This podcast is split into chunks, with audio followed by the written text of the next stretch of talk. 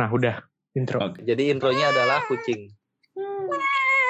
Ya kalau mau diadu kucing gue udah pada tidur kucing-kucing. Nggak bisa diadu. Tapi gak apa-apa udah malam wajar kok kucing tidur kecuali kucing lo malam dagang es dawet depan stadion bola. Hmm, stadion lagi. Di samping. Ah, Di samping kita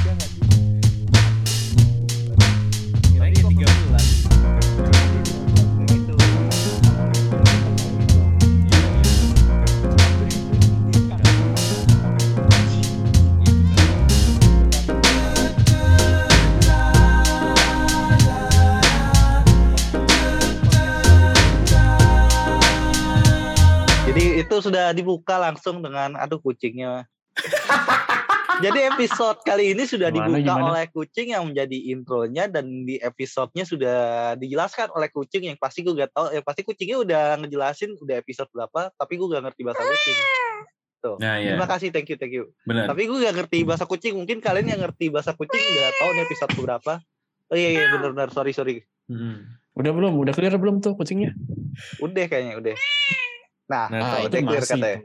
Oh, udah, udah, udah, udah. Agak katanya udah clear itu. Itu tadi katanya wassalamualaikum gitu katanya. Oh, Oh, udah, ini udah ini. Ya udah, udah, ya. Oh, udah. udah. Stop recording kalau gitu.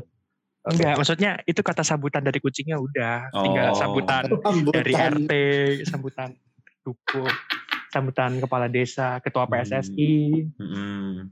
Kapolres, Kapolda, Kapolda, calon gubernur Jabar. Panpel juga Panpel. Capres 2024. Ya broadcasting juga kan. no? Aduh, ini offset banget anjir. Ah, udah lanjut kan. Bukan offset itu biasa. Iya. Biasa. Juga Iya biasa biasa biasa levelnya kita. Iya. Lambe racing nggak offset mah malah aneh. Iya. Berarti secara gak langsung Lambe Racing ini ibarat Inzaghi kali. Buset, udah- ya bang. Iya udah gak jauh-jauh dari offset. Sekalian aja speed anjing. Ya itu mah ada beda. Itu mah gak ngerti basic itu. Peraturan. Itu emang beda ya. Dia dia main futsal deh ya. Dia main futsal bukan main bola. Legend anjing, itu legendaris banget speed. Gak banget. No dia main bola kayak gitu ibarat lo balapan lo motong corner terus yang penting menang. Iya. Corner cutting terus. Hmm, kalau kayak tahu ya ada teman kita yang kayak gitu. Tapi ya udahlah. Waduh. Halo. Lo, Loh, kok ada bakso? lo. Jangan gitu loh, Bapak E kan. Waduh. Lah iya juga ya. Juga. Tapi ya gini deh ya sebelum kita masuk ke bahasan ya mungkin ya mungkin yang lain juga ingin nyampein juga ya ya dari Lambe Racing sendiri kami juga ya turut bersedih dan turut mengucapkan duka cita yang mendalam terhadap tragedi yang terjadi di Malang eh, Di Kanjuruhan. di Kanjuruhan pekan lalu ya semoga ya semoga semua keluarga korban yang di yang terkena dampaknya diberikan ketabahan kami bersama kalian dan semoga kasus ini diusut seadil-adilnya Sampai tuntas. sampai tuntas Dan semoga tidak ada intervensi aneh-aneh dalam penanganan kasusnya. Betul Iya, An- sebenarnya ini agak sedikit personal juga karena mengingat beberapa jam setelah kejadian itu ada kenalan yang cerita dan kejadiannya emang separah itu. Dia cerita ke gue. Dia, dia ngungsi ke rumah temen gue. Dia cerita dan wow, emang separah itu.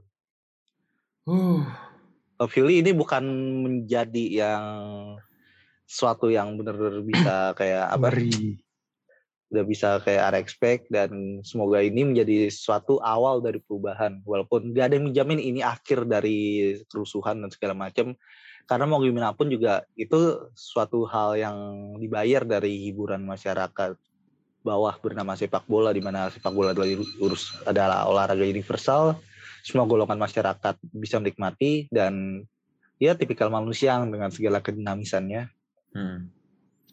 But anyway, semoga ini menjadi awal dari perubahan yang sangat positif dan juga masif untuk seluruhan. Gak cuman untuk yang sering katanya disalahkan yaitu pihak supporter, tapi untuk seluruhnya termasuk bagian-bagian pengurusnya sampai ke bagian atas, bahkan sampai broadcastingnya pun juga. Karena salah satu yang lagi naik juga dan sering dipermasalahkan adalah jam tayangnya juga yang terlalu malam. Semoga ini menjadi perubahan untuk seluruhnya.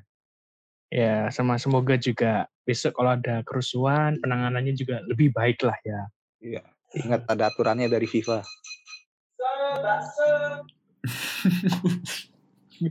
Eh, gini loh gue jadi cakep mana gue lagi makan lagi intinya kayak kerusuhan tuh biasa di sepak bola yang membedakan tuh cara penanganannya aja Iya. kalau misalkan sudah bisa sampai jatuh korban jiwa hingga ratusan yang itu sangat sia-sia sangat disia-siakan sekali ya berarti ada yang salah dari penanganan kerusuhan itu sendiri Iya.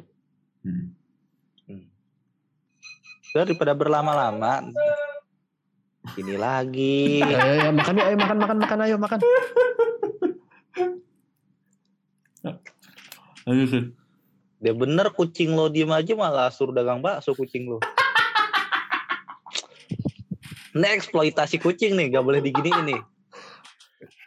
Harus diadukan ke pecinta kucing. Udahlah gini, kita nggak mau lomba racing diserang sama ini ya, diserang sama cat lovers. Aduh, susah. Hmm, To be honest, to be honest, kalau kalau emang take it as secara secara kalau penanganan kerusuhan di sosial media tuh gak beda jauh sih sama K-popers, cat lovers.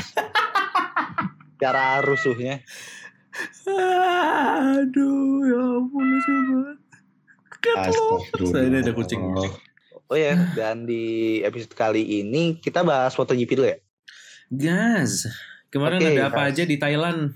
Oke, Di jadi. MotoGP kemarin di Thailand dan kembali ke Thailand setelah tiga tahun lamanya karena masalah COVID yang kita tahu akhirnya skip dari 2019, 2021 skip, 19 adalah balapan terakhir dan sekarang 2022 akhirnya MotoGP kembali ke Thailand. So, MotoGP Thailand ini diwarnai dengan balapan yang sepertinya agak ya so-so untuk Moto3 dan Moto2 yang hujannya deras banget tiba-tiba dari MotoGP menjadi wet race yang kedua di Asia Tenggara sekaligus. Jadi walaupun kesannya agak nggak terlalu heboh-heboh banget tapi still worth to watch. So dari pertama kita masuk ke Moto3 di mana di Moto3 kita masuk highlightnya aja sih singkatnya. Di mana di Moto3 kemarin yang dimenangkan oleh Dennis Foggia yang lumayan nyaman juga dia di depan walaupun dibayang-bayangi oleh Sasaki dari Ricardo Rossi tapi dia anteng di depan. Dan di posisi kedua ada Ayumu Sasaki dan di posisi tiga ada Ricardo Rossi. Yang mana ini menjadi podium keduanya sepanjang karirnya di Moto3 dan di race kemarin di akhir lap pertama di last turn Adrian Fernandez side set dan tiba-tiba dia numbur Sergio Garcia yang ada di sisi luar dan crashnya bisa dibilang agak unlucky ya kemarin. Iya, karena orang lain juga sih sebenarnya jadi kayak Iya, karena orang lain si Adrian Fernandez high side, iya. motor ya Gua- kena Garcia. Hmm. Situasi Yang senang kayak Guevara.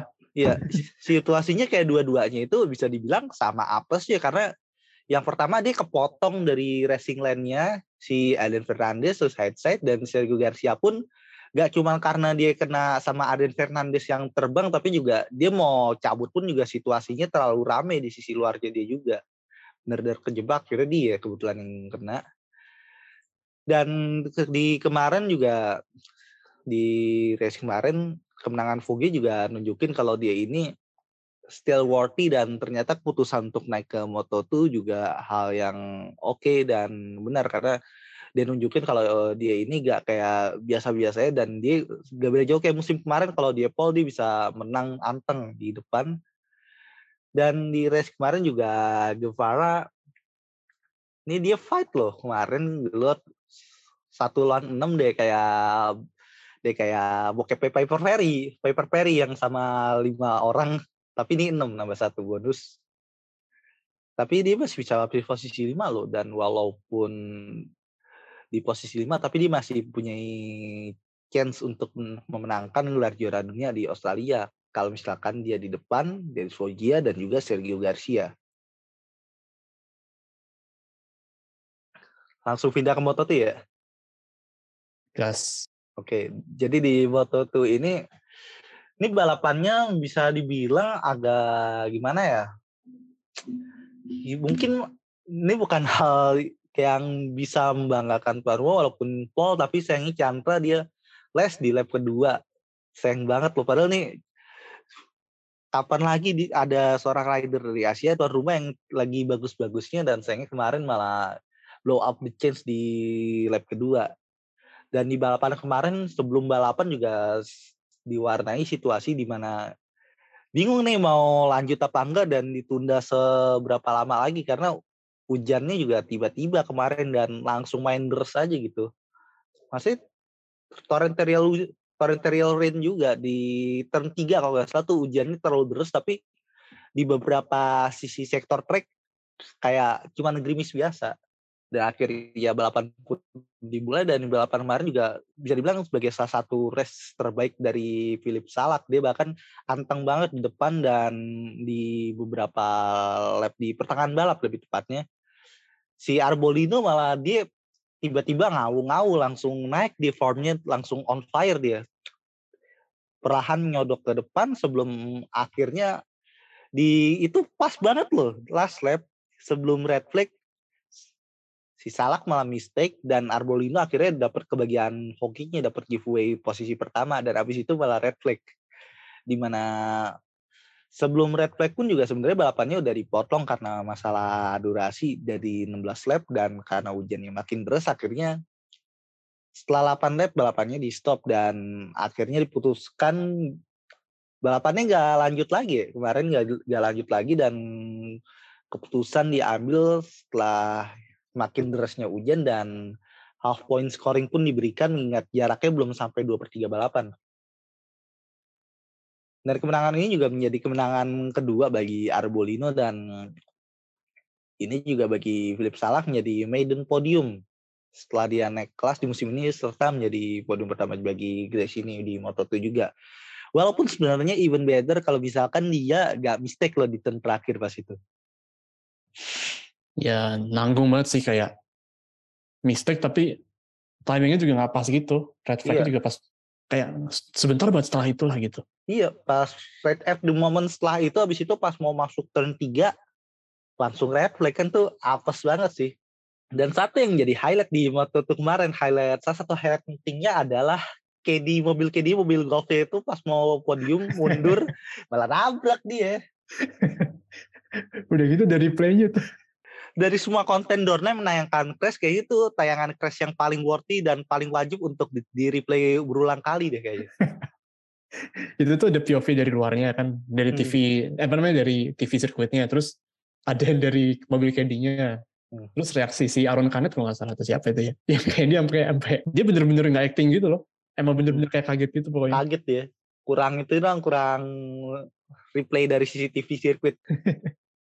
oh iya biasanya sih yang yang low quality itu biasanya ya kualitas Iya. CCTV Iya, Mah. dari CCTV sirkuit terus habis itu slow mo, dibikin slow mo.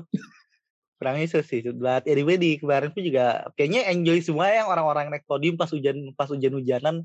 Saya di Buriram kan dia podiumnya tuh di tengah track gitu, gak ada tempat podium karena bentuk pedeknya, bentuk bentuk dari pit lane-nya sama tribunnya itu dia jadi satu. Jadi gak ada tempat buat naruh podium. Akhirnya podiumnya di tengah trek, makanya hujan-hujanan. Dan semuanya enjoy sih kemarin. Terlihat pada guling-guling semua pas becek-becekan hujan. Dan setelah itu kita masuk ke MotoGP ya. Dan di MotoGP pun juga sebenarnya agak kejadiannya bikin kita teringat dengan Mandalika kemarin. Nggak beda jauh. Karena situasinya sebelum race di cancel dan mundur dari jadwal semestinya karena faktor hujan juga. Dan kemarin pun juga dikasih tambahan kayak warm up gitu 10 menit untuk ditentuin loh apa untuk warming up karena emang situasinya di sana agak nanggung juga loh hujannya. Karena di sekitaran pedek biasa aja kayak grips biasa dan di turn 3 sekitaran situ sektornya tuh deras banget dan di kemarin di balapan kemarin jadi race hujan deras kedua kalinya dan menjadi panggung di mana Miguel Oliveira bisa berbicara banyak dan kayaknya udah menunjukkan dia menjadi the new king of the Rainmaster, the new king of rain, the new Rainmaster. Setelah bertahun-tahun kita mencari Rainmaster sulit, sangat sulit mencarinya dan Terakhir siapa ya? Sampai lupa loh terakhir itu siapa. Apa ya Terakhir- Rossi Enggak, Rossi bukan king bukan king Oh, bukan enggak. Rainmaster sih di nah, masanya. Rossi juga ya Kalau dulu ada si Danilo Petrucci, tapi Petrucci-nya pas dia belum naik ke pabrikan. Ah iya iya, ya nggak menang sih berarti ya kayak podium gitu. Iya podium. Petrucci terus kad- yang kadang-kadang jago ada Yoni Hernandez juga. Tapi yang the true Rainmaster yang terakhir yang benar-benar true Rainmaster itu Chris Vermeulen. Oh iya iya iya. Back to Suzuki era sih iya. Iya, benar-benar Rainmaster Merchant. Nantian lama menunggu seorang Rainmaster sungguhnya dan akhirnya Miguel Oliveira pun datang dan ini kemenangan kedua dan tentu saja nih dua-dua kemenangan yang diraih oleh Oliveira musim ini diraih di situasi hujan dan di Asia Tenggara di mana kemenangan pertamanya diraih di Mandalika. Dan kemenangannya pun juga unexpected juga karena gak ada yang mengira kalau KTM bisa menang di sini. Gak ada yang mengira KTM bisa menang dan Oliveira pun bisa membuat KTM jadi berbicara lebih banyak di MotoGP. Dan bukan pertama kalinya Oliveira, Oliveira kayak nge-carry pabrikan dengan prestasi yang agak bisa dibilang inkonsisten secara tim ya karena faktor motornya juga. Dan sebelum masuk ke race-nya pun ada beberapa highlight yang sebenarnya lumayan juga. Terutama kemarin itu menjadi pole position pertama bagi Marco Bezzecchi dan juga bagi VR46. Kemarin Bezzecchi dia bisa unexpected loh, gak ada yang ngira bisa-bisanya dia dapat pole position. Kayak di Mugello sih jatuhnya ya. Iya kayak di jauh di Mugello gak dingira dan bisa-bisa dia dapat pole position di Buriram dengan seekor GP21. Iya iya iya kayak ya kayak kayak Bestia dulu lah. Bestia Iya. hari ini ya. Bestia sih ya. Bestia, Bestia sama di Antonio. Di Gidau kan dia dapat di Mugello kan GP21 juga. Ya inilah ajaibnya motor lama muncul lagi tiba-tiba. Iya. GP22 fraud kembali lagi. Tadi udah juara padahal. Oh karena Iya. juara jadinya melempem lagi. Iya. Gimana gitu. Hmm. But anyway ini ju- juga menunjukin kalau Ducati adalah motor yang superior di beberapa tahun belakangan. Bukan berarti ini motor yang bisa dibilang paling kencang, tapi justru ini motor yang paling komplit. Bahkan mematahkan anggapan jika Ducati motor yang sulit untuk dikendalikan, namun dalam 2-3 tahun terakhir Ducati justru menjadi motor yang paling mudah dikendalikan untuk rider-rider.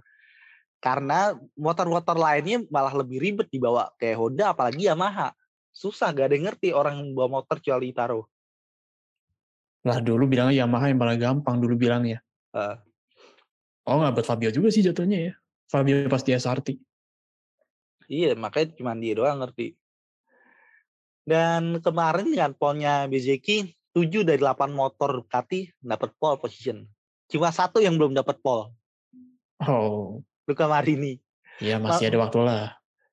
Ya masalahnya lu ya gimana ya? Dia dia belum dapat pole, dia belum dapat podium. Tapi di motornya GP22. Iya.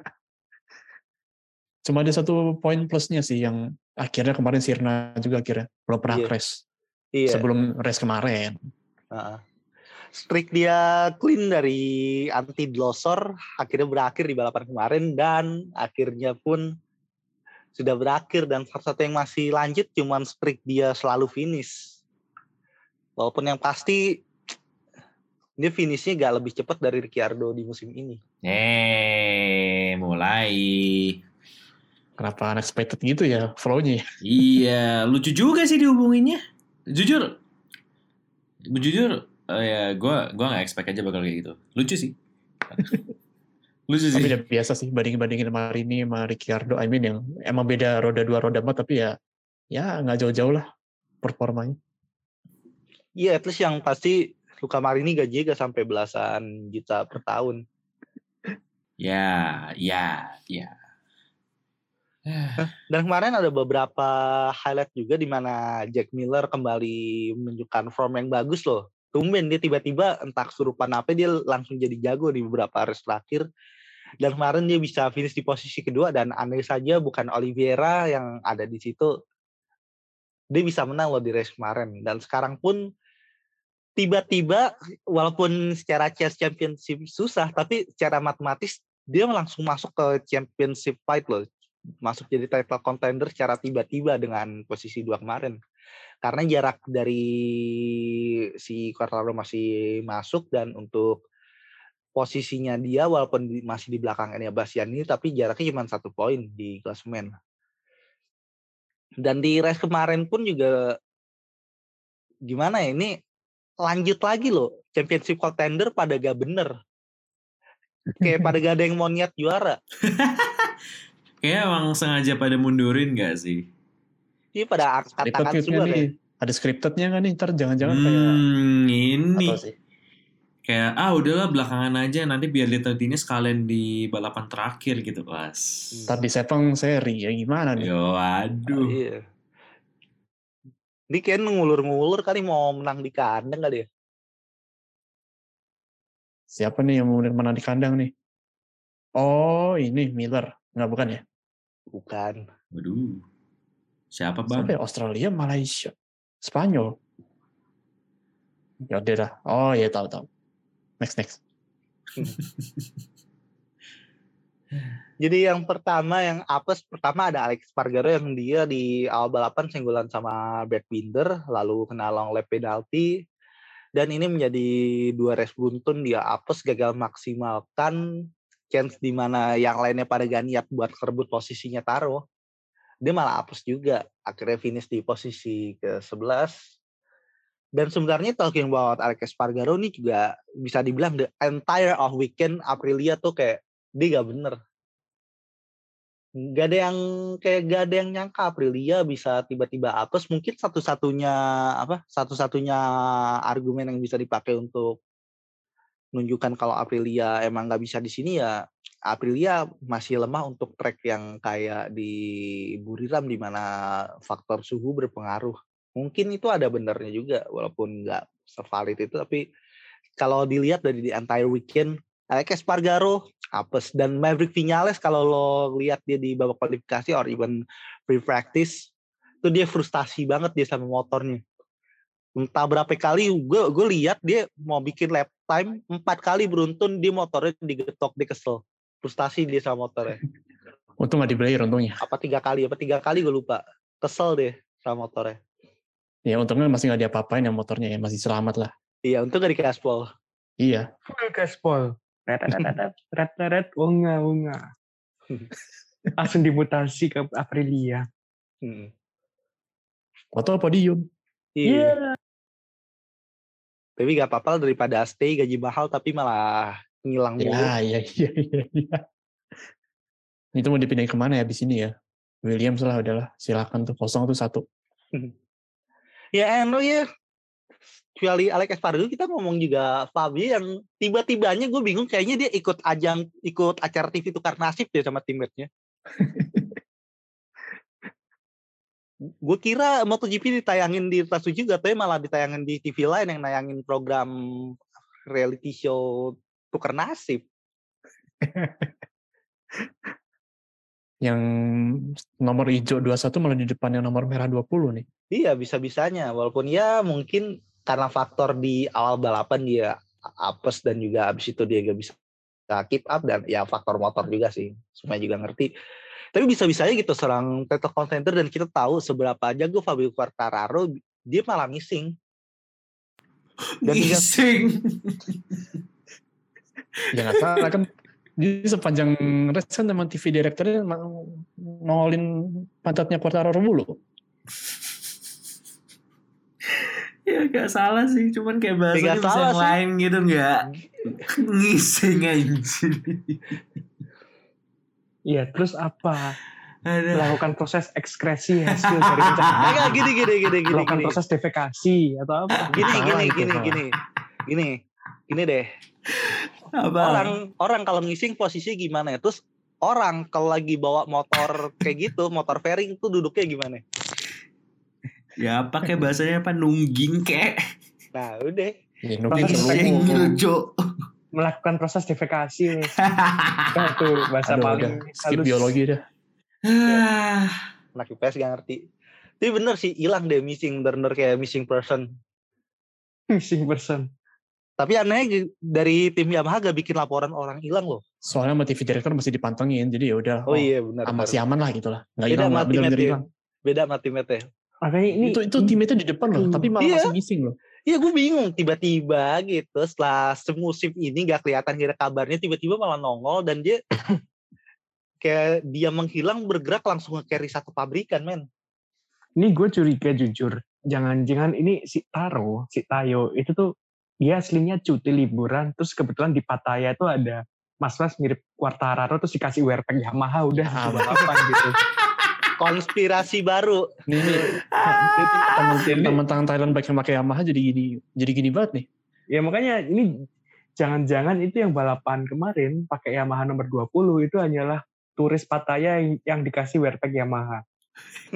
Masih mending turis ini jangan-jangan artis Thailandnya yang suka yang jadi BA, dia kan BA Yamaha yang Thailand banyak tuh artis-artis itu. Sudah platform. Ya itulah salah satunya jadi taunya gantiin Quartararo, bisa jadi. Makanya ini aneh. nih. Hmm. Coba dibuka helmnya siapa tahu ternyata cuma mas-mas Tailuk, trek trek Tailuk gitu. Sama Tailuk. Ya cuma mas-mas joki drag Tailuk lah. Jangan-jangan bule Pattaya tuh diambil kasih wearpack Yamaha. Bule Pattaya apa bule ASD? Lu lu lu lu lu. lu. Lu, lu, Gua paham. Kenapa gue langsung paham ya? Lu, rawaton bang. Kenapa gue langsung paham? Kayaknya mungkin alasan dia menghilang mungkin si Fabio lagi ikut casting ASD kayaknya. Asian Salawat Tayari, Tayari.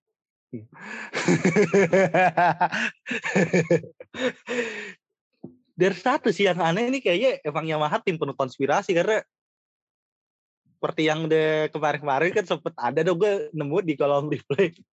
Konspirasi kalau sebenarnya Franco Morbidelli aslinya masih di Mandalika kejebak dia sejak naik motornya pole.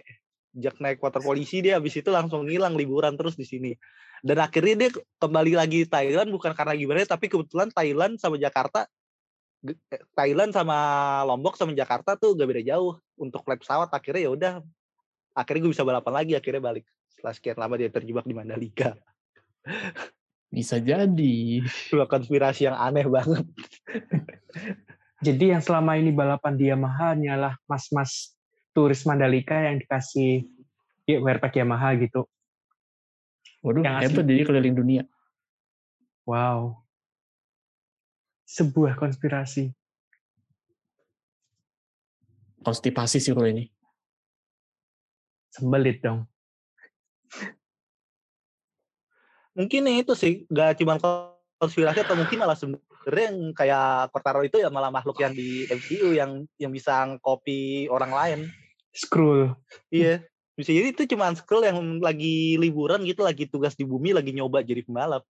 Dan iya sih dengan balapan kemarin ada benernya juga kalau Fabio Quartararo seperti yang sudah dibilang dalam beberapa tahun belakangan kalau dia ini the next Jorge Lorenzo. Iya benar semuanya the next Jorge Lorenzo semua atributnya sama. Tapi satu yang kelupaan sampai terlanjur di copy semuanya gak cuma riding style tapi penampilan dia di wet race. Ya juga. Langsung hilang. Celing. Belum tinggal tinggal toksiknya di sosmednya aja nih yang belum nih. Ntar nunggu tuaan dikit lah. nunggu pensiun jadi coach dong. Jadi Hmm. pundit. Iya. Dan gak cuman itu juga, tapi kemarin mungkin yang masih agak waras cuman Peko walaupun sebenarnya ya dalam tanda kutip. So Zarko kemarin di race itu PSG gila, tapi walaupun dia ada kesempatan yang bagus untuk mengejar Miller, or even bahkan kalau misalkan ada rezeki lagi dia bisa menang balapan. Tapi dia malah lebih memilih untuk dalam tanda kutip nurut dan stay di belakangnya Peko. Bahkan dia pun juga bilang kalau dia gak mau bikin masalah gede Ducati dan dia pengen nge-support tim sebagai sebagai factory juga. Sampai bahkan dibilang ini gimana ya kayak ini kayak dari Ducatinya segitunya juga dan untungnya Zarko masih nurut, masih baik, masih mau untuk ngebantu pabrikannya. Bisa dibilang nih kapan lagi loh bisa lihat balapan juara dunia gotong royong pertama kalinya ada ju- balapan juara dunia gotong royong sejak tujuh tahun yang lalu Sejak Hai, baru mau bilang itu. 2015. Baru mau bilang itu. tujuh tahun kita gak ngeliat ada juara dunia yang dibantu dan diraih dengan secara gotong royong dan ini akhirnya kembali lagi dan ini budaya yang bagus juga karena gotong royong itu budaya yang bagus dan budaya Indonesia banget. Indonesia banget. Kapan lagi Oke. gitu Indonesia bisa menularkan dampak positif ke olahraga secara internasional dengan menyebarkan budayanya? Iya, iya. Manu akal. Juara kok gotong royong dan niatnya pun juga niat baik juga gak cuma bantu Peko tapi ingin sukseskan Ducati karena udah lama banget loh dari adik gue belum lahir sampai sekarang udah SMA Ducati belum pernah juara dunia, belum pernah pastikan title. Terakhir tuh 2007. Ya, sama kayak Ferrari lah. Tapi Ferrari kalau secara title konstruktor 2008 masih Oh iya, dapat beda sih. setahun ya. Iya beda setahun. Ya dalam tanda kutip karena beberapa faktor juga yang pasti walaupun sebego-begonya Ferrari masih gak se- segeblek Ducati pas 2009 awal tuh deh gak tolong banget. Dan dengan race kemarin juga ini itu juga bentar, bentar. Apa? Ini, ini ini Zarko ini juga ada yang bilang nggak sih kalau ini balas budi dia terhadap Ducati. iya Ingat dia iya, dulu Ducati menyelamatkan karir dia lah istilahnya gitu. Iya, dalam tanda kutip bener sih. Soalnya dia dia cabut dari Yamaha dari Tech3 buat memilih KTM di mana situasinya pas itu juga dia dikadalin sama agennya dan agennya juga katanya dikadalin nolak tawaran Honda buat milih duitnya KTM dan ujung-ujungnya tengah musim cabut balap di Honda jadi pengganti beberapa kali sebelum di sliding motor di sliding tackle sama motornya dikasih motor Avintia pas di Ducati buat musim dia naik ke Prama karena Prama satu kampung pada naik no berdua Miller sama Peko dapat rezeki dan sekarang pun juga gak cuman balas budi masa karir tapi juga selama di Ducati pun selama di Prama pun dia dikasih motor yang sama dengan pabrikan dapat GP22 juga. Walaupun untuk yang di musim ini pabrikannya pakai GP22 gado-gado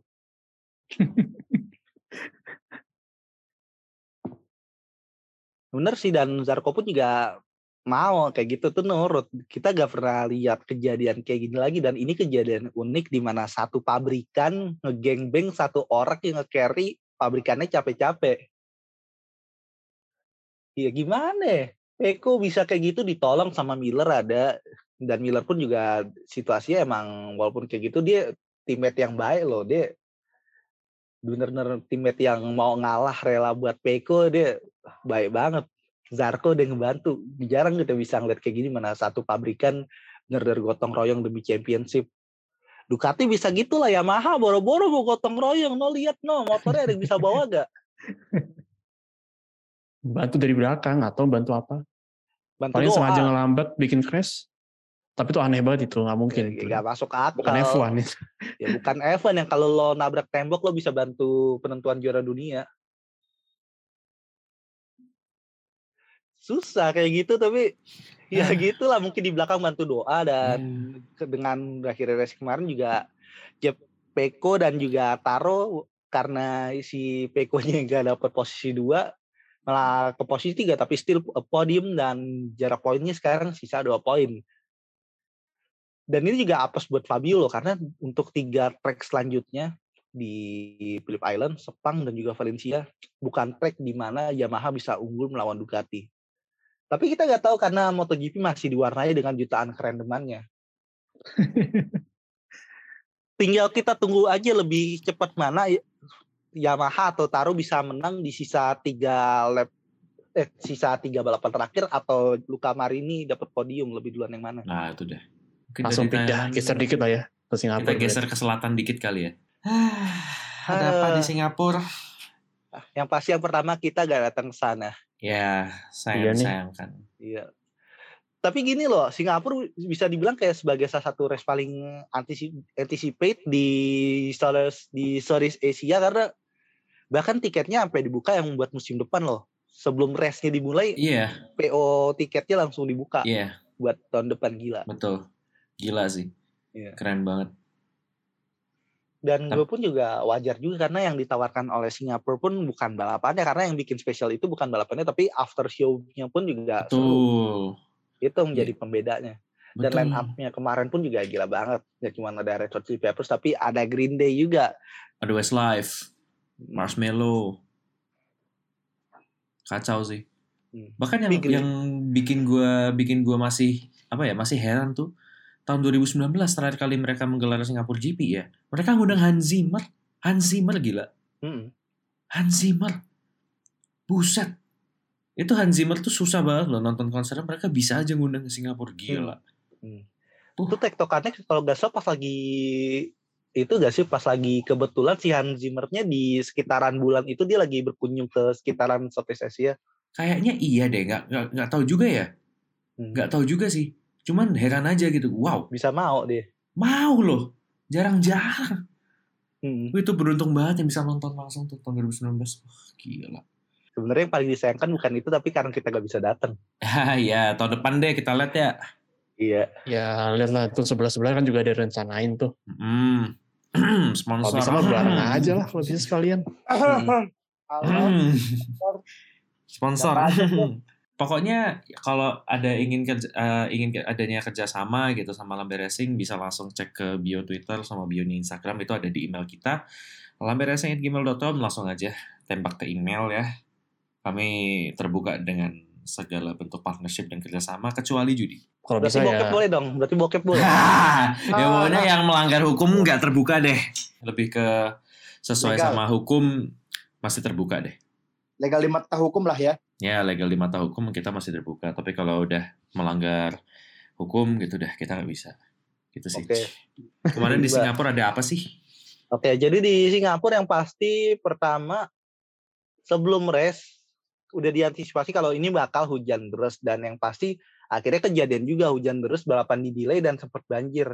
Tapi bagus sih karena orang-orang F1 masih lanjut loh, mereka gak protes nyalahin panpelnya loh, bagus loh. Bagus sih. Gak nyalahin panpelnya, eh, gak nyalahin panpelnya, gak lempar tanggung jawab. Betul. Dan yang dan yang pasti para kru dan para driver gak ada yang protes, mereka melakukan hal yang positif, gak dagang es dawet malam-malam. Ya gitulah dan yang pasti semua yang dilakukan hal yang positif karena ya benar sih prepare buat race dan bagus daripada malam-malam dagang es dawet kan aneh lo ngapain Iya. hujan-hujan malam-malam dagang es dawet di Singapura kan gak masuk akal. Iya betul nggak masuk akal. So yang pertama setelah itu ya udah mulai kering tracknya gak banjir dan penonton pun gak nyalahin gubernurnya. balapan jalan seperti biasa dan sayangnya nih dari awal balapan sampai akhir balapan tuh bener-bener di luar ekspektasi dalam artian agak sedikit mah dan balapannya pun malah menjadi balapan paket malam PB gitu. Iya Jadi malah jadi iya malah jadi paket malam warnet. Iya paket malam. Dua jam gratis jalan. satu lap. Iya. Waktu Anda tersisa 5 menit. Iya. Udah nambah satu bonus dong, satu bonus. Mau nonton F1 malah jadi nonton FP kita. Kalau misalkan ke sono. EV tapi dua jam. Iya. Terus isinya iya, cuman VSC aja, VSC bu. Saya ini VSC Grand Prix apa ya? Untung VSC bukan VCS. Ya. Waduh. Ya gimana? VCS sama siapa dulu? Pertanyaannya itu. Nah itu. Itu. Bang, bang, nanggung bang, dua tikungan lagi bang, jangan dimatiin TV-nya bang. Nah, itu kayak gitu-gitulah. Ini satu lap lagi bang, kurang bang. Gitu. Ini ya kemarin tuh sorry tuh saya kayaknya salah satu Singapura GP paling paling boring sepanjang sejarah deh. Ya dalam tanda kutip kalau misalkan kita gak bukan penikmat highlight crash ya ada Ya. benar. Hah, gue jadi inget tuh gitu. ada Waduh. satu gue jadi inget ada satu influencer bilang race seru banget ya banyak ba- banyak mobil crash and I was like Oh, bro gue ini menahan kantuk ya please gue nonton tuh menahan kantuk ini anaknya seru banget ya banyak crashnya Men gue ketiduran loh pas Iya. kemarin. Gue lihat pas apa ya, pas balapan tuh kalau gak salah pas kan kelar nih kan dia lanjut biasa. Udah pada ganti pakai slick semua kan even gue masih sadar ngelihat kalau Ricciardo sama Norris pakai ban yang beda Norris pakai medium Ricciardo pakai soft tapi Ricciardo gak bisa ngejar gue masih lihat itu sebelum gue ketiduran. Dan ya gitulah. Bener VSC Grand Prix numpuk gitu yang namanya mobil nembok segala macem ya situasinya ya agak gitu walaupun beberapa agak juga seperti Alpine yang emang problematik lah dan problematiknya juga as expected karena mereka dari awal musim dalam tingkat performance over reliability untuk mengejar gap di antara kompetitor lainnya. Dan gimana ya? Di, di kualifikasi kemarin nih kita mungkin mundur ke kualifikasi kemarin di mana ini agak sedikit plot twist karena Max Verstappen yang dia bannya eh bannya dia bensinnya nearly habis dan misalkan kalau habis dia akan melanggar aturan dan bakal di disqualified akhirnya dia memilih untuk masuk pit di sisa tiga turn dia langsung mengakhiri hot lap-nya dan jadi walaupun dia parvel itu bisa pole position itu udah jelas Bisa. Bisa. Kalau nggak salah ada salah satu sektor yang ungu. Di Lupa akhir itu deh 0,8 itu kalau nggak salah Iya itu deh. tapi dia malah memilih untuk mengamarkan posisi 8 dibandingkan dengan gamble untuk opposition yang pastinya ma- masih menemui ketidakpastian. Dan balapan pun dimulai dan ya seperti biasa teori klasik bernama Paul doang menangnya kagak tetap berlanjut. Hahaha. Gue tuh sempet ya kemarin sebagai admin yang nge- nge-tweetin lokin lokin lokin tuh agak sedih loh. Karena dalam dalam hati kecil gue tuh berharap, aduh kali ini ayo dong Lambe Racing jinx dong. Kali-kali gitu kan daripada terus menyuarakan fakta dan keakuratan. Aduh, aduh. Ya aduh. mau kali-kali jinx lah. I mean, tiap kali Leclerc dapat pole gitu kita nge-tweet, ah pole doang menang kagak. Beneran anjing. Beneran anjing kayak. Sebuah teori klasik itu yang udah menjadi teori yang wajib dibukukan dalam ilmu pengantar motorsport. Pengantar, Ampun. ilmu pengantar motor sport. Iya anjir. Kacau banget. Teori dikemukakan oleh Lambi Racing dalam dalam kurung 2022. Paul doang menangnya kagak. Selain teori one day one template ya. Ih, Ini. Ah, Kalau itu Iya. bukan teori sih, lebih tepatnya lebih ke itu apa? Ke materi itu pendalaman masuk satu bab itu Hmm. template. One day one template setuju. adalah sebuah pelajaran di mana bisa dijadikan satu bab tersendiri. Setuju sih. Tapi ya balik lagi kayak ah, Ferrari, Ferrari. Untung kemarin obatnya obatnya dari Ferrari gagal menang ini ya dapat double podium lah ya. Iya akhirnya. Double, Ya. double podium walaupun agak hoki juga soalnya kebetulan tiga mobil lainnya lagi gak benar semua no. Ya, I mean, ya mereka yang finish cuma 14 mobil. Eh 12 malah in fact, 12 in 12 mobil. Jadi demolition derby dalam Eh tanda kutip. 14 apa 12 ya? 14 14. 14 kan? Iya, Apa 12 14 mobil. lupa. Ya sekitar gitu. Oh, 14 mobil itu kayak ya one of the lowest this season. Itu sama kayak kemarin pas di British Grand Prix juga di Iya. mana saat itu Ferrari double podium juga. Bedanya yang satu menang. Hmm. Ya, Yang gitu. ini Tapi- eh, Eh, tapi begitulah. apa? enggak gini loh. Gimana? Apa di di modern era ini sepenglihatan gua ya, ja- jarang ja, kita tuh dapet DNF yang sampai misalkan 14, 13, bahkan mungkin 12 mobil itu jarang banget. Iya. Jadi itu kayak pengapa pemandangan langka aja itu kan kayak biasa ngeliatin di 2000-an gitu kan. Oh, Iya. mesin oh, biasa spin masuk gravel biasa. Makanya kan finishernya kan paling cuma ya 14, 13 kayak kayak biasa gitu. Tapi kayak ngeliat di 2000 ya pokoknya era fisik turbo hybrid lah. Iya. Anggap. Terakhir kejadian Gimana? Eh, terakhir kejadian pun terakhir kayak gini di fisik hybrid era pun sesering-seringnya cuma pas covid era udah itu doang. Iya. Langka loh momen kayak gini. sama jumlah kelas les-lesan GO aja lebih banyak isi kelas. Les-lesan GO. Sama NF gue malah lebih banyak NF gue nih mah. Nih, Sama Inten aja lebih banyak Inten, buset. Nah, Wah, jadi ACC no sama kucingnya. ah, Betul. Kucingnya kucing. ngajar inten no. ya, Aduh, aduh. inten inten. Tapi ya gimana ya? Kasihan sih sebenarnya. Tapi ya udahlah ya. Dan sebenarnya kemarin pun nggak cuman masalah apesnya karena sisi emang ya apes dari driver tapi emang kemarin pun juga bisa dibilang sebagai salah satu weekend paling jelek bagi Russell selama karirnya dia di Mercedes. Pertama Yes. kualifikasi dia gak tembus ke Q2, dia mulai dari pit lane, lalu gambling gamblingnya gagal, Russell gagal total. Dan highlight pentingnya adalah bisa-bisanya gitu.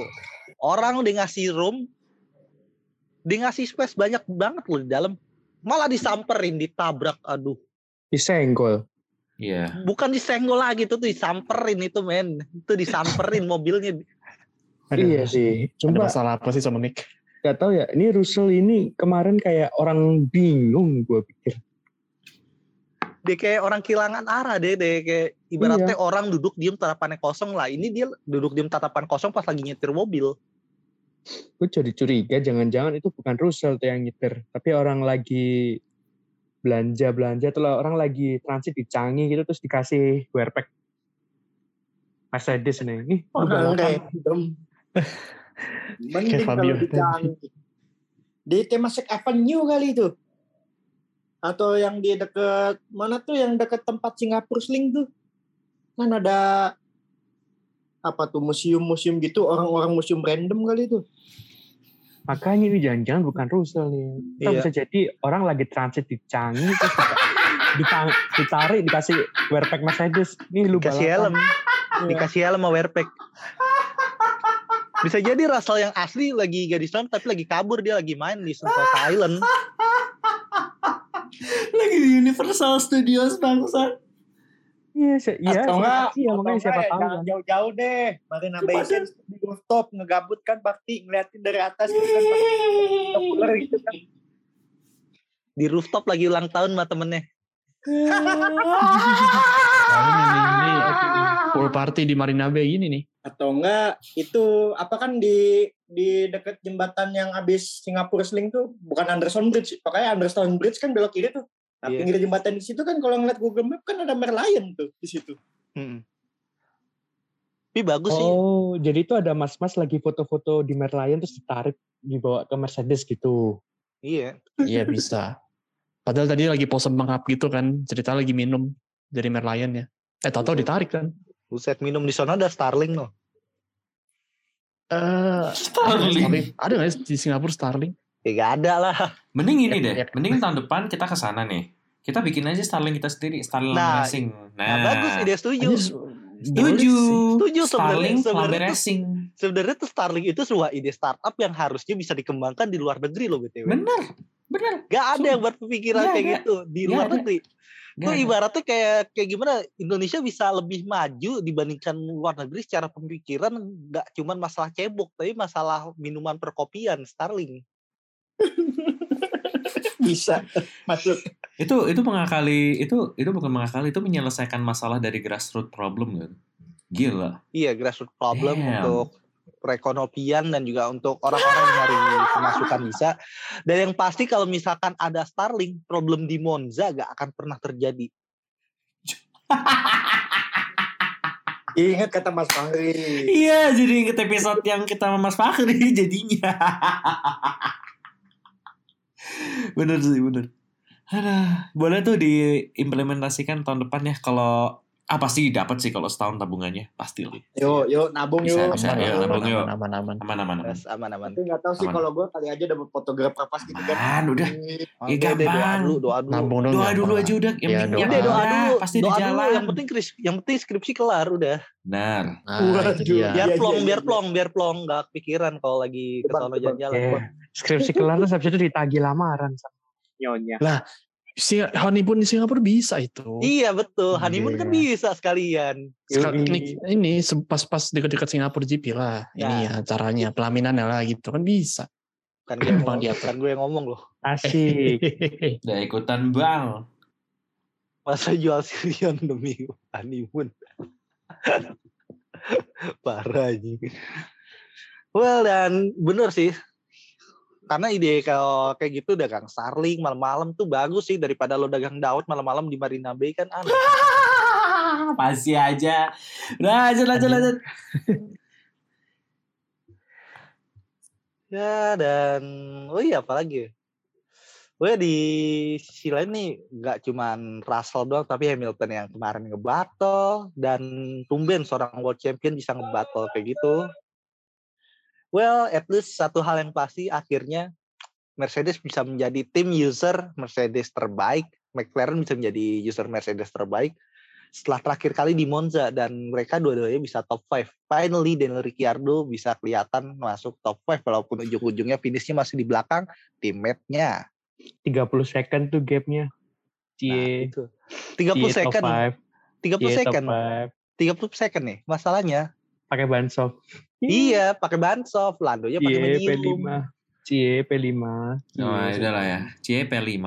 Cie, Ceilah, P5. Syukuran dulu syukuran. Ya, mereka nggak peduli gapnya lah. Yang penting- Yang penting P5 yang penting. Yang penting P5. Yang penting P5 tapi DNF-nya dalam mobil. Persetan dengan Favivo kalian. Yang penting angkanya. Betul, yang penting kan hasil akhir bukan. Finish di depan tiga world champion loh. Jangan salah nih. Iya. Yang penting kan itu. Ibarat lu main, lu main bola, mainnya awur-awuran. Yang penting 3-0. Walaupun golnya penalti kocak Iya. semua. You still win the game. Iu, iu, still win the game. Betul, Lo kejebolan dua tapi lo jebolin tiga gol lo still win the game. betul. Nah iya. Tapi ya, aduh, emang gimana ya? Ini kemarin McLaren dua-dua ini bisa finish top 5 langsung melompati Alpine loh di konstruktor karena Alpine membuang potensi poin besar sekali dengan Jebol dua-duanya. mesinnya jebol. Udah kayak vape mode anjing, terutama mesinnya Esteban Ocon. Nah kayak pakai vape-nya itu pakai vape yang 80 ribuan di Shopee deh kayaknya. Fix sih, fix ya. Ah, Langsung dipakai langsung buang, langsung jeblok gitu. Gue jadi inget Mandat gue. pula Kenapa teman? Eh bukan ade beli. Barangnya sampai meledak. Anjing. Itulah bunda, kenapa kalau mau beli vape tanya-tanya dulu. Hmm. Iya. Tapi eh, perlu diingatkan ini 8 vape itu 18 plus ya adik-adik. Nah tuh, diiyain nama Mas Kucing. Diain sama Mas Kucing dan diain juga sama Mas-Mas Akap udah ACC nih. Betul. Ah, tapi ya itu deh. Lanjut kali. Iya dan dengan hokinya McLaren, Mercedes juga apes sih karena dia ini di Singapura bisa dibilang kesempatan terakhir kalinya Mercedes bisa menang di musim ini karena tracknya yang suitable dengan Mercy dan sayangnya malah botol dua-duanya tapi ya gitulah botolnya pun menjadi hiburan karena pertama dengan botolnya Hamilton kita bisa melihat fight antara Hamilton tiga juara dunia di papan tengah walaupun sayangnya mungkin Fernando bisa join sebelum ya mesinnya jebol fucking Alpine But kita bisa ngelihat loh, kapan lagi bisa ngelihat highlight tiga juara dunia bisa bertarung dalam satu scene di mana duanya sudah bisa dibilang sudah West tapi still juara dunia. Itu deh. Dan di depannya ada seorang Ricardo. Uh, Betul. Ricardo Lance sama Stroll. Stroll. wow. Wow. But to be honest, Lance Stroll ini still deserve more respect sih. Deserve more respect setuju. Setuju. untuk di race ini. Bahkan di kualifikasi kemarin dia nyaris loh tembus Q3. Iya benar. Untuk di race ini deserve more respect dan untuk formnya pun walaupun oke anak bos tapi dia good enough untuk di race kemarin gak sekedar anak bos loh. Ya. Kemarin ada salah satu follower Lamres yang komen di reply di tweet yang ngomongin tentang ini juga. Dan gue lihat ada benernya bahwa Stroll itu tidak menemukan pressure di di posisi dia sebagai pembalap di Aston Martin ya. Kenapa? Karena dia anaknya yang punya. Iya. Tapi di An- sisi lain di sisi lain sebenarnya kalau posisi kayak gitu pressure-nya beda bukan pressure sebagai pertarungan Betul. tapi pressure dia sebagai tim. Ya, Kejadian yang sama kayak dulu Emo Fittipaldi. Pas dia sama Koper Sukar. gimana tuh? Ya kan dia balapnya di Koper Sukar timnya sendiri, timnya sendiri Oh, yang megang ya. abangnya sendiri, Ya, Fittipaldi family. ya. balap buat family sendiri sampai akhirnya Hmm. dia nggak kuat bahkan di akhir karirnya dia bilang dia nyesel buat ngebalap di timnya sendiri bikin rusak kehidupannya dia bikin rusak kehidupan perkawinannya dia juga karena pressure yang besar untuk ngurus buah tim Jadi memang different kind of pressure ya. Kalau Iya. Kalau misalkan dia nggak membalap di tim punya bokapnya gitu ya pressure-nya adalah gimana dia harus bisa perform sebaik mungkin gitu Iya. untuk tidak kehilangan seatnya Iya. tapi kalau dia di Aston Martin sekarang ini dia ya pressure-nya jadi beda gitu karena dia secure dia posisi pasti akan aman di situ cuman pressure-nya benar kata lu jadi ngarah ke arah tim gitu kayak Iya, gue harus perform jawab. untuk membanggakan dia gue harus membanggakan tim gue sendiri gitu karena ini dalam tanda kutip ini tim gue sendiri mau punya bokap gue gitu kan dalam tanda kutip Iya. Gitu. Dan bokapnya pun juga udah gembel banyak dan di samping Betul. gembel banyak secara duit, dia tanggung jawab pasang badan udah banyak banget gak cuma buat tim tapi buat para investor dan juga sponsor yang udah Benar. naruh ke Aston Martin. betul Gitu sih. Oh ya dan lanjut lagi di bahasan lain ya. Bentar. Oh iya benar. Dan di race kemarin menjadi ini terakhir street circuit ya di musim ini ya. kayaknya iya deh Iya bener. Oh. Dan dengan kemenangan di Singapura kemarin ini bisa dibilang menjadi sudah beberapa berapa kali ya Sergio Perez bisa menang di street gila. circuit dan formnya bagus banget. Gak pernah lebih buruk dibandingkan posisi 4. Mentok 1 sampai 4 di street race di mana dia bisa menang di Monaco, wins at Monaco dan habis itu dia menang di Baku. Singapura. Baku juga Musim ini Max. eh musim ini Max ya Baku ya oh iya musim ini lalu. Max. oh iya dia dua astaga gue baru ingat banget dia musim lalu juga Bapak tahun lalu iya. Tahun Iya, lalu nendang ban Max. Lalu iya bego benar. banget gue iya iya lanjut lanjut Max tahun kemarin nendang ban. iya sih bener juga ya bener juga Nendang Kebalik ban iya, ada yang salah ngerem iya. Iya, iya. betul Tapi ya Adil bener sih. namanya. ini apa ya? eh apakah ini kemenangannya Sergio Perez di Singapura bisa dibilang salah satu balapan terbaik di karirnya? Well, mungkin tidak sebaik di Sakil 2020 ya. Iya. Karena itu balapan jadi titik balik karirnya dia banget sih di situ. Dia sempat ke pentol ke belakang, dia nggak dapat kursi di Racing Point buat musim depan di Aston Martin sorry. Terus em, Racing point sih bener. Iya benar masih Racing Point terus kan musim depan jadi Aston Martin tuh. Nah tuh Hmm. terus habis itu ya ternyata dia sempat ke belakang, Toto bisa jadi pemenang gitu. Itu tetap Last nothing challenge. tops that. Ya, nothing tops that. Tapi ya mungkin kalau misalkan dibilang nih balapan terbaiknya di karirnya sebagai pembalap Red Bull, well, Bukan juga. nggak juga ya. Sebagai Hmm, pembalap sebenarnya Red Bull masih ada Baku sama satu lagi di Oh. Abu Dhabi. Nah iya. ya. Kalau secara Red Bull. Di 21 ya, Mm-mm. Walaupun dia DNF. Iya, tapi kan dia perannya itu Iya, dia sangat Iya. berperan terhadap ini sih. Sebenarnya ada definisi yang agak berbeda nggak sih? Jadi kan kayak orang ada yang bisa bilang kalau terbaik itu karena dia berjuang yang keras banget lah kayak di Sakir. Tapi kalau ini kayak konteksnya karena dia dominan banget from Iya. start to finish. Iya. Dan ini juga pertama kalinya loh kita ngeliat seorang Sergio Perez bisa dominate karena biasa dia kalau bagus itu dari belakang nggak anteng dari awal walaupun masih still he's a plan B specialist kalau gue bilang. Karena dia nggak pernah perform bagus kalau misalkan balapannya anteng dari awal sampai akhir. Dan ini terjadi lagi balapan sekilas itu dia bisa menang lagi. Manage bagus. Hmm, itu deh.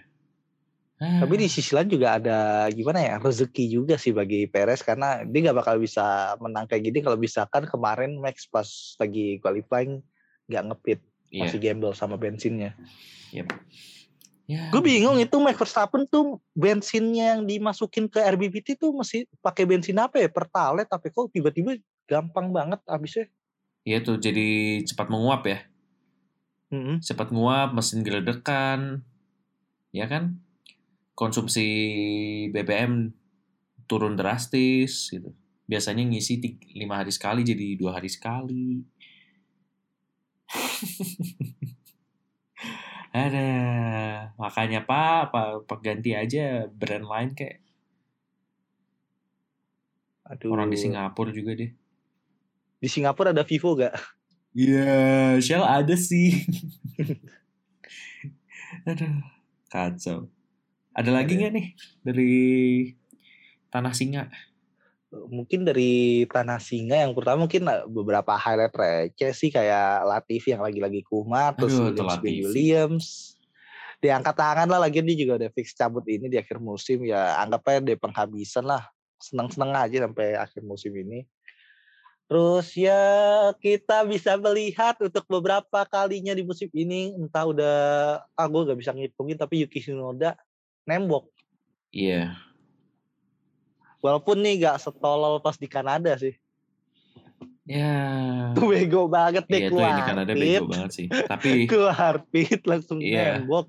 iya itu bego banget. Dijemput Festik dia. Iya. Ya gitu deh. Terus apa Untung lagi? gimana ya? Lucu sih kalau dibilang Sunoda nih. Hmm. Masih sangat sering melakukan error tapi masih dipertahankan juga oleh ya dalam tanda kutip sih, tanda kutip. Tapi secara kalau bisa dibilang secara umur dan juga apa, secara image dia untuk Jepang masih bagus sih. Iya, Secara untungnya itu. bagus dan untuk relasi Selamat. dengan Honda pun bagus. Betul, dia diselamatkan sama itu. Tapi ya selain walaupun dia masih sering error gitu ya masih bagus sih menurut gue. Iya, buat buat standar Bagus. F1 still enough sih buat standar Betul. F1 walaupun untuk standar kompetitif dia kurang tapi untuk Ya. standar di F1 masih bisa lah Masih masuk. masih worth lah ya. Iya. Ibaratnya kalau lo masuk PPD, PPDB di sekolah unggulan lo yang masuk di rankingnya sisa 5 ranking terbawah pas masuk. Tapi ya masih masuk. gitu. Iya. Still good enough. Iya. Gak ada yang menyalahkan. Mm-mm. Even name lo cuma 26 tapi sekolah favorit still good enough ya Ya. still good enough lo bisa Yes. masuk, bisa nyelip. Benar. Yang pasti bisa masuknya bukan karena jalur ganti akte. Bukan jalur ganti kakak. Wah, nggak ikutan bang. Waduh. Nebeng saudara, jalur lokal. Waduh. Ah, udah. Kayaknya udah nggak ada lagi ya Singapura ya. Nggak ada. Masa kita ke Singapura bahas orang dagang malam-malam, dagang minuman. Aduh, nggak tahu bang. Hah, Tapi itu deh. Awas Ya. dijemput. Semoga semoga nggak tahu sih penutupnya lebih ke semoga Lambe Racing bisa nonton Singapura GP bareng-bareng sih tahun depan Amin. itu doang sih. Iya. Nanti kita kalau iya kita Hmm. login ke episode ini sih. Iya, kita login ke episode ini dan Iya, jangan lupa untuk makan nasi goreng. Betul. Dan, Iya, iya, oh iya. iya. Sebenarnya eh, beralih dari Singapura pun banyak isu hangat ya eh, dalam beberapa hari terakhir. Salah satunya Iya. yaitu em, baru aja tadi diumumin kalau Red Bull sama Honda nih kayak mempererat kerjasamanya. Jadi branding Rujuk. Honda, branding Honda comeback nih ke mobil-mobilnya Red Bull sama AlphaTauri. Tapi yang comeback cuman logonya aja, nama mesin masih RBPT. Tapi Hmm. ya placementnya seperti Honda kemarin musim lalu gitu. Dan banyak orang jadi kayak salah sangka, oh Honda comeback nih, Honda comeback. Enggak, itu cuma sebatas sponsor aja, sponsorship aja. But still comeback sih, comeback ke Iya. Red Bull-nya. Iya sih, dalam tanda kutip. Logonya comeback ke Red Bull intinya. Hmm. Cuman Dan katanya yang di depan logonya bukan Honda ya, yang di moncong katanya HRC tetepan. Iya. Logo di mon- moncong HRC, yang di atas mesin Honda. Kayak apa ya? Kayak ini sih paling kayak kalau kalau kalau menurut gua kayak lu waktu di Amerika brandingan masih Honda tuh, tapi cuma ganti logo Acura gitu. Iya. Ya, kayak Iya, gitu. kayak gitu. Kayak gitu. Kayak Acura terus kalau itu apa? Lexus juga Lexus Mm-mm. kalau di Ya, Jepang. Lexus, Ya. Infiniti. Cuman ya itu eh, mesinnya masih RPPT. Cuman ya ini petanda apakah 2006 2026 comeback beneran nih kayaknya. Nggak tahu, tapi rumornya kenceng-kencengnya Honda Kenceng. malah Honda malah mikir buat comeback. Ih, Masa kenceng. itu Itu. lagi lumayan kenceng kenceng. dan rujuk. Makanya kalau misalkan dalam tanda kutip mereka udah rujuk sih bener juga. Ya udah kayak gini kedekatannya, Bu. Iya, bahkan Udah deket banget. bahkan RBPT pun mereka gak benar-benar build secara bikin dari awal enggak mereka masih pinjem minta tolong orang Honda juga untuk pengembangannya sih Terutama eh, dari teknologi hybridnya itu Iya. Honda banget. iya karena gak cuman ngurusin. gak cuman masa teknologi hybrid tapi orang Honda udah ngerti blueprint dari mesinnya kayak gimana Benar. Benar. Ah, tapi ya asik sih. Iya. Terus tapi lagi- bagus sih tapi bagus Hmm. sih yang didak yang didatengin Hondanya Honda pusat bukan Honda anak magang di sini Anjir. Eh itu nanti kalau iya tuh mesin RBPT jebol-jebol mulu soalnya baut-bautnya pada diganti kabel tis. Aduh. Jangan jauh-jauh mesin deh. Nah, part-part samping tuh front wing. Iya itu udah isinya kabel Floor tis, gitu kan. kabel tis, iya. Kabel- kabel tis. Aduh. jangan Mesin jangan sampai dah itu ganti oli baut oli yang di bawah itu yang tutupnya oli yang bawah itu yang bautnya itu Lupa ditutup. lupa dipasang Kayak Baru dibawa itu tuh. pulang servis habis olinya. Iya, kayak kayak kejadian kapan itu motornya masih plat putih lagi iya masih plat putih. Banget. jadi kasihan sih mesinnya jebol ya iyalah Iya, barat semua Ah, Goblok. kebayang gue anjir Hmm. Verstappen DNF ternyata Verstappen DNF mesinnya teket gak lucu anjir. Nah itu dia. Jadinya malah jadi kayak Mario Kart gitu ya, apa? Olinya kececeran di track tuh nanti. Kayak Mario Kart gitu. Selain mesinnya jebol, mobil-mobil lain juga jebol soal licin jalannya. Ya, tapi tapi selain tapi masih di seputaran Red Bull nih selain masalah Honda yang comeback ke mobil-mobil Red Bull, ini Red Bull lagi gosong nih soalnya digoreng habis-habisan nih gara-gara isu budget Kena audit KPK. Budget. Koskep ya koskep. cost cap. Katanya dibilang ada ya katanya ada orang dalam gitu yang bilang katanya cost capnya Red Bull nih kelebihan sama Aston Martin ya. Jadi kayak Ya. kelebihan sedikit gitu. Iya. Tapi Kena audit KPK. ya Nah. tapi ribut-ributnya sih yang masalah sih ribut-ributnya anjir kayak aduh ibu langsung heboh lagi gitu kayak orang-orang tim LH tuh Wah, terutama jelas. bilang kayak Wah. udah cabut aja gelar juara Jelas. Verstappen masalahnya nih kalau dua tim ini ya kalau ada indikasi kecurangan itu langsung ributnya wah nggak boleh gitu dong kurangin poinnya diskualifikasi lalalala beda kalau Ferrari Ferrari ada skandal fansnya bilang gini ini kecurangan yang mana nih skandal yang Nah, mana nih Nah itu. Saking seringnya. saking Saking seringnya. Gitu. Skandal yang mana Tuh. Skandal yang Telegram apa Google Drive? Aduh. nah itu Aduh. Aduh. kalau yang lain itu makanya kalau Red Bull oh, ada skandal nih langsung ribut Mercy juga Ferrari skandal Buset. yang mana Ribut-ribut. No gak sekalian bikin OnlyFans. Nah, itu dah.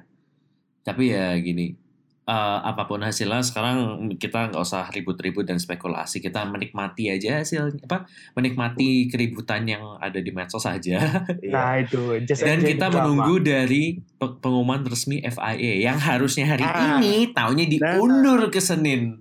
Nah, Lucu banget tuh semua orang udah nungguin. Ini ayo. pengumuman FIA mana? Taunya ada notif new tweet from FIA. Taunya ngumumin Japan Grand Prix.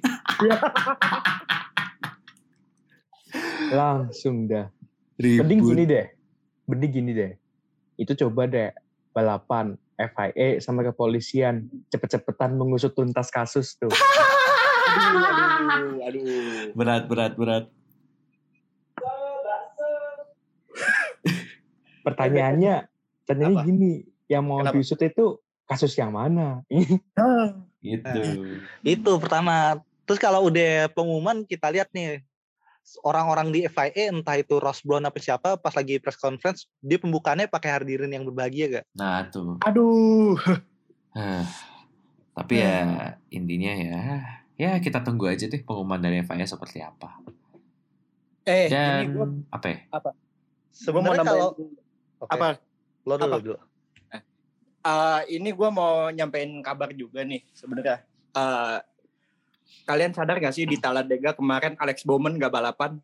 Iya.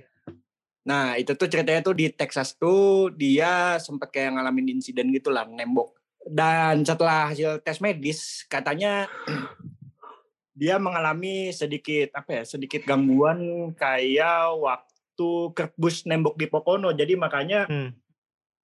dari Talladega kemarin sama Charlotte Russell dia digantiin sama Noah Gragson gitu. Dan akhirnya juga kemarin gue nambahin sedikit update ya soal kemarin di Talladega akhirnya pembalap playoff ada yang menang men Akhirnya. dari dari empat balapan playoff yang yang menang non playoff semua kan kaget ya. Pergantian playoff ya. Tyler Reddick sebenarnya playoff sih, tapi di tiga balapan awal soalnya kan gak lolos tuh di Bristol. Hmm. Jadi di Texas dia udah statusnya pembalap non playoff dan menang dan akhirnya ya akhirnya sekarang pembalap playoff menang tuh Chase Elliott. Orang pertama yang lolos ke delapan besar. Seru nih kayaknya nih ngeliatin Roval nih minggu ini. Kayak bakal Hmm. random sih, bakal Iya. random. Random. Oh, ya, eh, mungkin terakhir sih. kalau di event balik lagi ke masalah tadi sebenarnya kalau boleh jujur orang-orang yang keluar-keluar masalah kayak gitu terutama yang fanboynya fanbase bendera tuh hipokrit sih kalau gue bilang dan Biasa. semakin valid kalau mereka bisa dibilang bu- udah bisa bukan bisa dibilang lagi udah valid kalau mereka sebagai fanbase paling hipokrit Ya.